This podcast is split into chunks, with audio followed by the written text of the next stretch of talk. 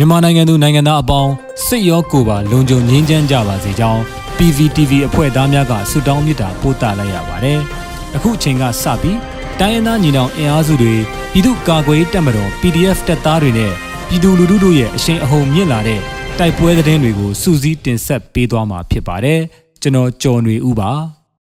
ရမဦးစွာ ဖားကတ်မှာရဲအုပ်တူအပါအဝင်ရဲ9ဦးကိုလက်နက်လေးလက်နဲ့အတူ KIA PDF ပူးပေါင်းတပ်များကဖမ်းဆီးရမိတဲ့တဲ့တင်တင်ဆက်ပါမယ်။ကချင်ပြည်နယ်ဖားကတ်မြို့နယ်မှာရဲအုပ်တူအပါအဝင်ရဲ9ဦးကိုလက်နက်လေးလက်နဲ့အတူ KIA PDF ပူးပေါင်းတပ်များကဖမ်းဆီးလိုက်ကြောင်း PDF သတင်းရင်းမြစ်ထံမှသိရှိရပါတယ်။ဇူလိုင်လ9ရက်နနက်7:00နာရီအချိန်မှာဖားကတ်နဲ့နန့်ရာကြားမှာရဲ9ဦးကို KIA PDF ပူးပေါင်းတပ်များကဖမ်းဆီးလိုက်ခြင်းဖြစ်ကြောင်း PDF သတင်းရင်းမြစ်ကအတည်ပြုပြောဆိုတာပါ။ အဆိုပါဖားကတ်မြို့နယ်မှာရဲ9ဦးဟာကာမိုင်းမြို့မှဖားကတ်မြို့နယ်တရားရုံးသို့လာရောက်စဉ်လမ်းမှာဖမ်းဆီးခံရခြင်းဖြစ်ကြောင်းသိရှိရပါတယ်။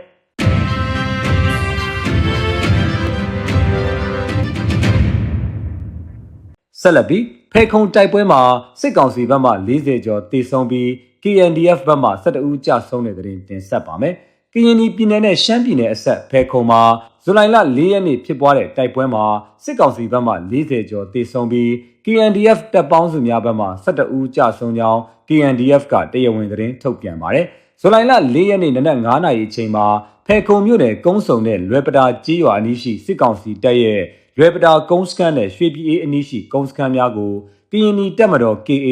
KNDF PDF ဖေခုံ13938တပ်ရင်းတို့ကဝင်ရောက်တိုက်ခိုက်ခဲ့ကြောင်း ထိုတိုက်ခိုက်မှုအတွင်းနှစ်ဖက်အပြန်အလှန်ပစ်ခတ်မှုပြင်းထန်က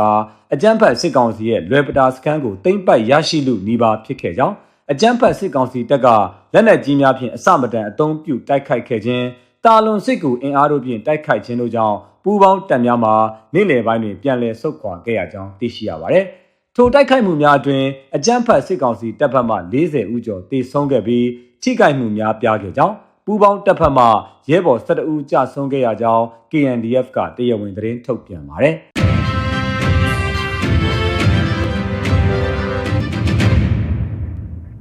KNU ကော်တူးလီအုပ်ချုပ်နယ်မြေတွင်ဇွန်လမှာတိုက်ပွဲပေါင်း360ကျော်ဖြစ်ပွားပြီးစစ်ကောင်စီဘက်မှ400ကျော်တေဆုံးခဲ့တဲ့တဲ့တင်ဆက်လက်တင်ဆက်ပါမယ်။ကရင်အမျိုးသားစီယုံ KNU ကော်တူးလီအုပ်ချုပ်နယ်မြေတွင်အကြမ်းဖက်စစ်တပ်လက်ပါစီ BGF များနဲ့ ကရင်အမျိုးသားလွတ်မြောက်ရေးတပ်မတော် KNLA ကရင်အမျိုးသားကာကွယ်ရေးတပ်ဖွဲ့ KNDO ပူးပေါင်းတပ်ဖွဲ့များကြားဇွန်လတလအတွင်းတိုက်ပွဲ365ကြိမ်ဖြစ်ပွားခဲ့ပြီးစစ်ကောင်စီတပ်နဲ့ BGF ဘက်မှ410ဦးတေဆုံးက335ဦးဒဏ်ရာရကြောင်း KNU ကတရားဝင်သတင်းထုတ်ပြန်ပါတယ်။ဇွန်လအတွင်းနေ့စဉ်တိုက်ပွဲများဖြစ်ပွားခဲ့ပြီး KNL ပူးပေါင်းတပ်ဖွဲ့ဘက်မှ18ဦးကြာဆုံးက28ဦးဒဏ်ရာရကြောင်းသိရှိရပါတယ်။ KNU တပ်မဟာ6နယ်မြေရှိဥက္ကဋ္ဌတိုက်ပွဲတွင်စစ်ကောင်စီဘက်မှ၄ရက်အတွင်း၄ချောင်းတိုက်ခိုက်မှုပေါင်း64ကြိမ်ပြုလုပ်ခဲ့ကြောင်း KNU ကထုတ်ပြန်ထားပြီးအဆိုပါတိုက်ပွဲတွင်လက်နက်ခဲယမ်းအများအပြားကိုတင်စီရမိကြောင်း KNL KNDO ပူးပေါင်းတပ်ဖွဲ့ရှေ့တန်းသတင်းရင်းမြစ်များထံမှသိရှိရပါတယ်။။